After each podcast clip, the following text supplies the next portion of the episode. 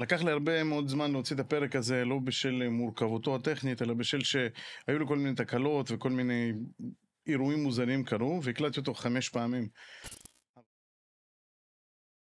להזכירנו, אנחנו במאמר נפלא, מה למעלה, מה למטה, שמובא לנו מספר אה, פנים יראות ומסבירות של בעל הסולם, שבספר הזה, למעשה הספר הראשון שפותח את העוצמה של הגילוי של הארי הקדוש, ולמעשה פענוח ופירוש של כל אה, תורת הארי הקדוש, שהייתה גנוזה עד לאותה תקופה, 350-400 שנה, עד לתקופת בעל הסולם. בחלק הזה של המאמר, שהיום אנחנו נסיים אותו, חלק ב', בעל הסולם מספר ומשבח את הארי הקדוש ומספר לנו על מה. להזכירנו, עד עכשיו למדנו על המקור הרוחני של המקום והזמן. אני אומר המקום והזמן, כי מקום קודם לזמן. מקום פנוי לתיקונים, דהיינו איזושהי מערכת שמספרת לנו במקום שיש חיסרון, שם צריך להשתכלל, שם צריך לעשות איזשהו תיקון. מומלץ מאוד לראות את השיעורים הקודמים, ששם אנחנו נכנסים לעומק, מה בדיוק זה אומר המציאות הזאת של תיקון, ומתי היא נתעפתה, דהיינו, מה הייתה הסיבה שלה. אנחנו רואים שהסיבה שלה הייתה צמצום, א', בעולמות, זה אחד, וסיבת הצמצום הייתה הבחירה ביתר דבקות, ולא בצורה אחרת. הבחירה ביתר דבקות היא ללא סיבה מוקדמת, ועל כן הבושה ואז הצמצום הם נובעים מהבחירה דווקא ולא הפוך. מה אנחנו מבינים מחיסרון, ממקום שהוא פנוי, מאור? אנחנו מגלים לא שהבורא לא רוצה לתת לנו את ההטבה, אלא שבצורה כזאת מסמנים לנו כאן דרוש תיקון. על כן מושג המקום מספר על מקום פנוי לתיקונים, ואם מקום יכול להיות לפני התיקון, תוך כדי התיקון ולאחר התיקון, אנחנו מבינים שיש מציאות של זמן, דהיינו תיקונים שונים שצריכים כל אחד לבוא בזמן שלו, בהדרגה ובסדר המדויק שלו. אנחנו הגענו לקטע שהאורחים ממליצים לדלג עליו מפאת אה, מורכבותו, צריכים אה, ללמוד את תלמוד עשר הספירות כדי להבין את, הקטע הזה. אנחנו אכן נוותר כי אה, זה לא מתאים ללימוד ההשקפתי שלנו, זאת אומרת צריך להסביר יותר מדי ואני לא רוצה שהשיעור יהיה ארוך מדי. אז הנה אנחנו בעמוד רנ"ז בספר מאמרי הסולם הנפלא, קוראים בפסקה האחרונה, ואתה תבין. ואתה תבין לשון הזהב של הרב ז"ל, הארי הקדוש, וזה לשונו. והנה עניין החקירה הזאת הוא אשר שואלים למה בריאת העולם הזה היה בזמן שהיה, ולא קודם או אחר כך, עד כאן לשונו. פירוש כי עניין החקירה דמה למעלה ומה למטה ומה לפנים ומה לאחור שהם בעולם הזה בית חקירות כי בגבול המקום נוהג מה למעלה ומה למטה, דהיינו ראש וסוף. ובגבול הזמן נוהג מה לפנים ומה לאחור, ולכן אומר עליהם שהם שניהם חקירה אחת ברוחניות. והוא משום שגבול הזמן ומקום נמשכים שניהם משורש אחד מאוד נעלה. והוא סוד נקודת הצמצום, כי נזכר למעלה. וזה אמרו שהיא השאלה למה לא נברא העולם הזה וכולי, דהיינו רק בגבול הזמן, והוא להיותם בחינה אחת. בעל השלום מסביר פה את uh, לשון הזהב של הארי הקדוש, לוקח את השפה הקצרה מאוד שלו ומסביר אותה ומרחיב אותה ומסביר את העומק של המבנה, השאלה של הארי הקדוש. זאת אומרת, יש בה עומק גדול, אפילו היא במעט מילים, כי הרי מה שואל? והנה עניין החקירה הזאת, כך אומר, ככה כתוב בכתבי הארי, הוא אשר שואלים למה בריאת העולם הזה היה בזמן הזה דווקא, ולא קודם או אחר כך. הוא שואל על הזמן. אומר, אבל עניין הזמן למעשה מתפרק אצלנו לשתי חקירות, גם על הזמן וגם על המקום. הארי הקדוש שואל שאלה אחת, כי למעשה השורש שלהם הוא אחד. אז השאלה האחת הזאת היא מתפרטת לשתיים, ותלוי במסגרת המדוברת איך לפרש אותו ואיך לענות. ואנחנו נמשיך פה עם בעל הסולם, והוא אומר, וכבר ידעת שעניין זמן בצביונו העליון הוא מציאות גילוי חיסרון המקבל. ועניין קדימה ואיחור בצביונו הרוחני הוא עניין קודם במעלה ואיחור במעלה. ואם כך, יש בכלל החקירה הזאת בית שאלות. האחת, למה נברא העולם הזה בצורה פחותה, המלאה חלאה וזוהמה גדולה, כמות שהיא ערוכה לפנינו, והלא מפי העליון יצא הרעות והטוב? ככתוב באיכה. כנ"ל, שמפועל טוב נמשך טוב. וזה אמרו, למה בריאת העולם הזה היה בזמן שהיה? כלומר, במציאות הקלקולים שלפנינו, שהוא סוד הזמן דשיתא אלפי שני הערוך לעינינו. והשאלה הבית היא, על דרך שהיית בשיר הייחוד, מכל חפציך לא שכחת, ודבר אחד לא חסרת, ולא יחסרת, ולא העדפת. עיין שם. ועל כן יש לך קור גם כן על מידתה של השפלות. למה לא העדיף, ולמה לא החסיר? וזה אמרו, ולא קודם ולא אחר כך. דהיינו, קודם במעלה או שפל במעלה. אומר, בוא נתייחס לשאלה הזאת של מה, למה העולם נברא דווקא בזמן הזה ולא בזמן אחר. מה מתכוון פה הארי הקדוש? כי אנחנו מבינים שיש פה עומק, אז בואו נראה. אומר, כבר למדנו שעניין הזמן בצביונו הרוחני הוא מציאות גילוי חיסרון המקבל. יש פה מציאות של חיסרון, חיסרון שמתגלה. איזה מין דבר זה? אם יש לי חיסרון, אני לא ידע שקיים החיסרון הזה, כי הרי הוא חיסרון, אני צריך להרגיש אותו. לא תמיד. למעשה, כדי להרגיש חיסרון צריך להאיר את הכלי הזה, דהיינו לתת לו איזשהו דמיון של אור שהוא יכול לקבל, תענוג שהוא יכול לקבל, כדי שהוא ידע למה הוא מתגעגע, ואז מתעורר החיסרון. אנחנו רואים את זה שאומרים לנו ההורים, עם אוכל בא התיאבון. זאת אומרת, אתה מתגרה קצת מהאוכל, ואז בא לך התיאבון, וכולי. או אנשים הולכים לצבא, ואז אומרים, או ככה, אני לא רוצה לחיות כל החיים שלי, פה זה, לא יודע, יותר מדי לוחצים עליי, או יותר מדי בלאגן, אני רוצה משהו קצת יותר מסודר. כל אחד עם העניינים שלו, נתתי פה כמה דוגמאות. אז חיסרון צריך להעיר, לגלות. פה אומר מציאות גילוי חיסרון המקבל. זאת אומרת, זאת מציאות חדשה שבה מגלים שלמקבל יש חיסרון. באין סוף לא היה גילוי לחיסרון. האם לא היה מקבל? היה מקבל. מנחו דאין סוף, היא קיבלה את כל האור, אבל בצורה פסיבית כנקודה. ככה כתוב בפתיחה לחוכמת הקבלה, בפתנות הספירות, והעניין הזה של נקודה, זה אומר שאין לה ממדים. היא לעולם, היא מאוד קטנה, היא כמו אה, אנחנו יודעים שיש מציאות של קיום הדבר הזה, אבל למעשה אין לו שום מימד. הוא רק הרעיון שלו שהוא קיים. זאת נקודה. אז זה שורש הרוחני של הזמן. גילוי חיסרון המקבל. לכן אנחנו מבינים שעניין של קדימה ואיחור, זאת אומרת, קדימה ואיחור אומר אה, קדימה בזמן ואחורה בזמן, בצביונו הרוחני, הוא עניין קודם במעלה ואיחור במעלה. למה ככה? למה פתאום אנחנו עברנו פה למעלות של משהו, של אה, זיכוך הרצון אני אגיד, או למעשה מעלת התיקון. כי אמרנו שחיסרון שהתגלה לנו במציאות הזאת, הוא מספר איפה צריך לתקן.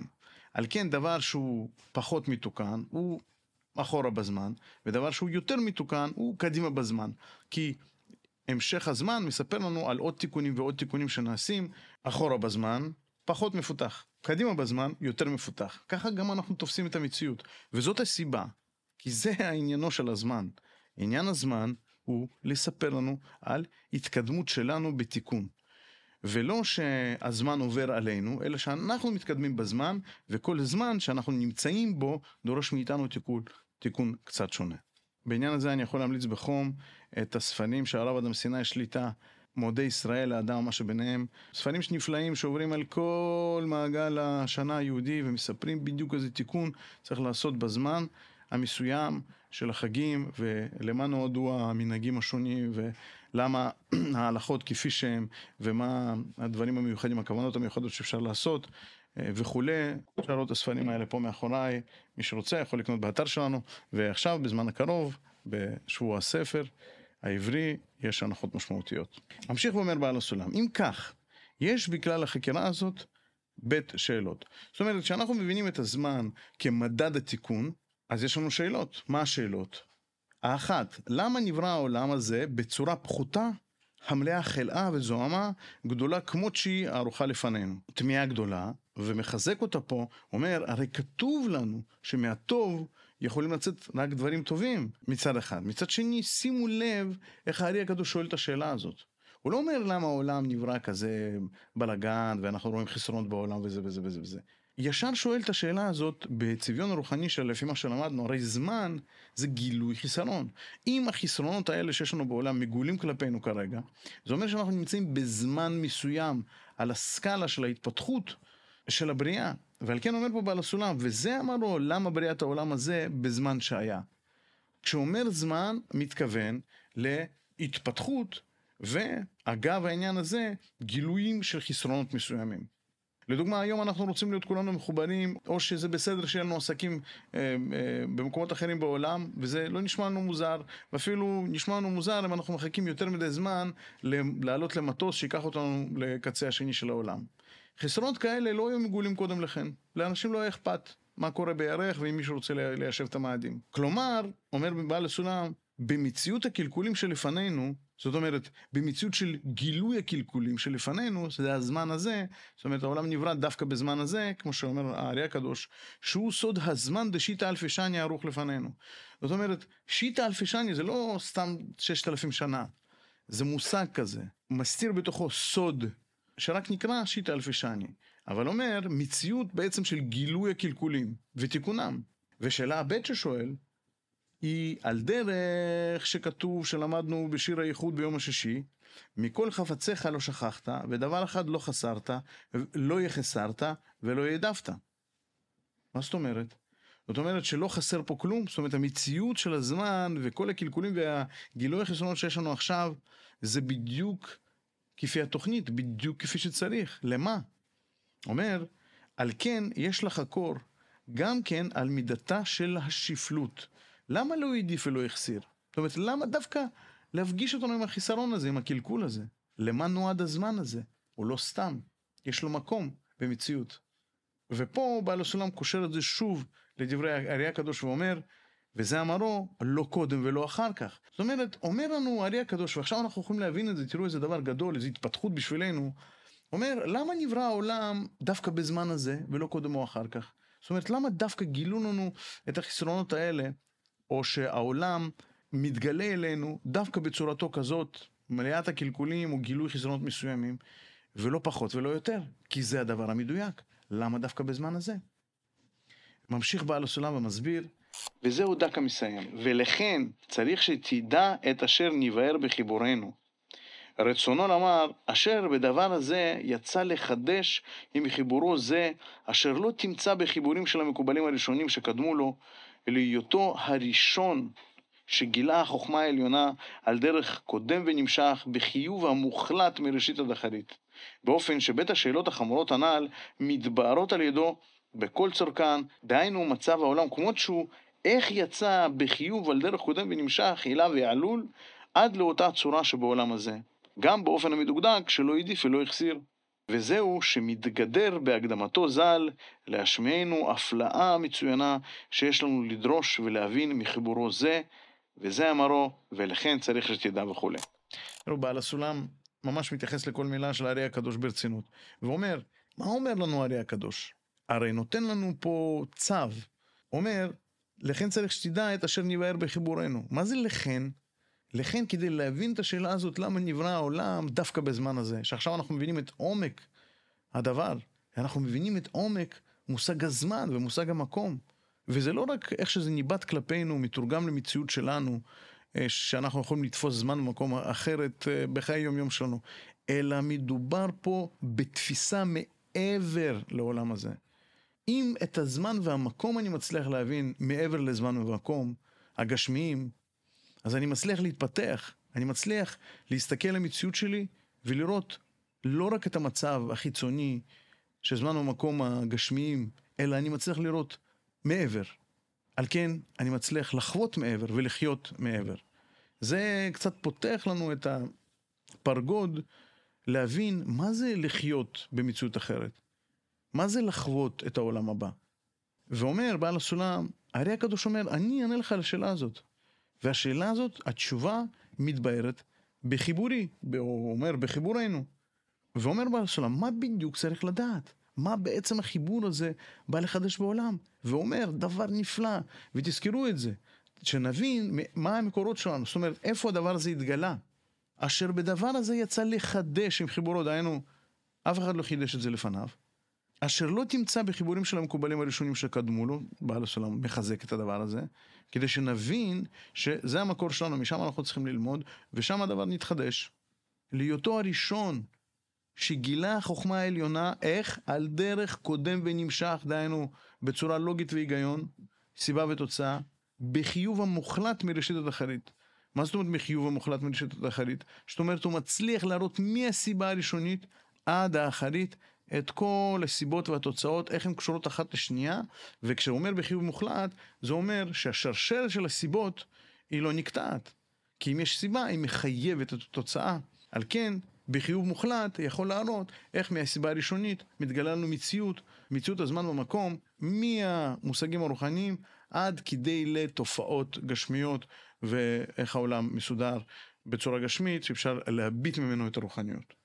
באופן שבית השאלות החומרות הנ"ל שהזכרנו קודם, למה דווקא בזמן הזה ולמה דווקא בצורה כזאת, מתבררות על ידן בכל צרכן. זאת אומרת, אפשר לענות באופן מלא על הדברים הכי גבוהים בתפיסת המציאות שלנו, בתפיסת הזמן והמקום שלנו, שלדעתי אף אחד לא הסביר את זה בצורה כמו שמסבירים את זה המקובלים, או בעיקר בשיטת אה, הארי הקדוש, והרחבה של בעל הסולם בדורנו.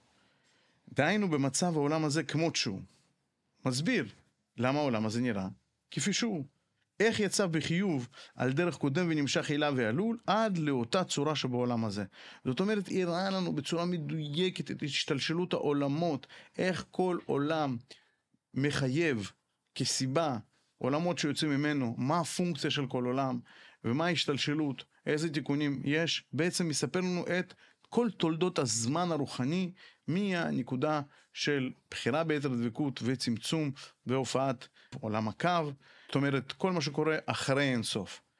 כי באינסוף אין לנו לא מושג מקום ולא מושג זמן. ברגע שמתחיל המקום והזמן הרוחניים, משם מראה לנו הארי הקדוש בסדר מדויק של ההיגיון, אחד אחרי השני, סיבה ותוצאה, איך בדיוק התגלגלנו למציאות הזאת, וכשאנחנו רואים דברים, איך נכון לפרש אותם, איזה פילטר צריך להפעיל כדי להבין אה, מה הסיבה, כדי לראות שאם אני עומד מול שש מראות ורואה את עצמי שש פעמים, אני לא באמת שישה אנשים, אני צריך להפעיל פירוש, תיקון של העיוות של המראות, כדי לצייר אצלי בפנים בראש את התמונה האמיתית. וגם הסביר באופן המדוקדק שלא העדיף ולא החסיר, שזה מתגדר בהקדמתו ז"ל להשמיענו הפלאה מצוינה שיש לנו לדרוש ולהבין בחיבורו זה. זאת אומרת, הוא הסביר לנו בצורה מדויקת למה בדיוק העולם נמצא במצב כמו שהוא נמצא. למה אנחנו צריכים את כל התיקונים האלה, את כל האתגרים האלה, כל הדברים האלה שאנחנו תופסים. ואולי עוד הרבה דברים שאנחנו בוכים עליהם הרבה פעמים, מרימים ידיים לשם ואומרים, השם, למה עשית לי את זה? אני סובל, אני, אני מתלונן. זה לא נראה לי מתאים פה. מסביר לנו בדיוק למה כל הכבודה הזאת לנו, כמו שאומר בעל הסולם במאמר אחר, למה אנחנו צריכים את כל הדברים האלה? למה אנחנו צריכים את כל השמיים והכוכבים? למה אנחנו צריכים את כל הפרטים? את כל המקרו ואת כל המיקרו והננו. ובעל הסולם מרים ומריע פה לארי הקדוש שאומר לו תודה על החידוש הנפלא הזה. למדנו פה שבעל הסולם אומר שיום הופעת הארי הקדוש זה כמו מעמד הר סיני לעם ישראל. זאת אומרת התגלות מופלאה של, של תורה, של חוכמת הקבלה הזאת. ופה נותן לנו טעימה קטנה דרך שאלה אחת של הארי הקדוש אל העומק ועוצמת הגילוי הזאת שכולנו חווינו וחיכינו לו 450 שנה. או 400 שנה כדי שבעל הסולם יבוא ויפרש את הדברים. מסיים את החלק הזה בפסקה שאומר, מביא את הארי הקדוש שוב, שאין בו שום תפיסה וכולי, ולא היה בו זמן התחלה וראשית וכולי, ואין בו ראש וסוף כלל. כלומר, כשיבחן עולם שנה נפש, אין נוהג באין סוף ברוך הוא. אין בו שום תפיסה, הוא סוד נפש, ולא היה בו התחלה וראשית, הוא סוד שנה, דהיינו גבול הזמן, ואין בו ראש וסוף כלל, הוא סוד עולם, דהיינו גבול המקום. וטעם הדברים מבואר כל צורכו בפנים מסבירות בענף הראשון, בכל ההמשך, ומשם תבין דברים אלו היטב.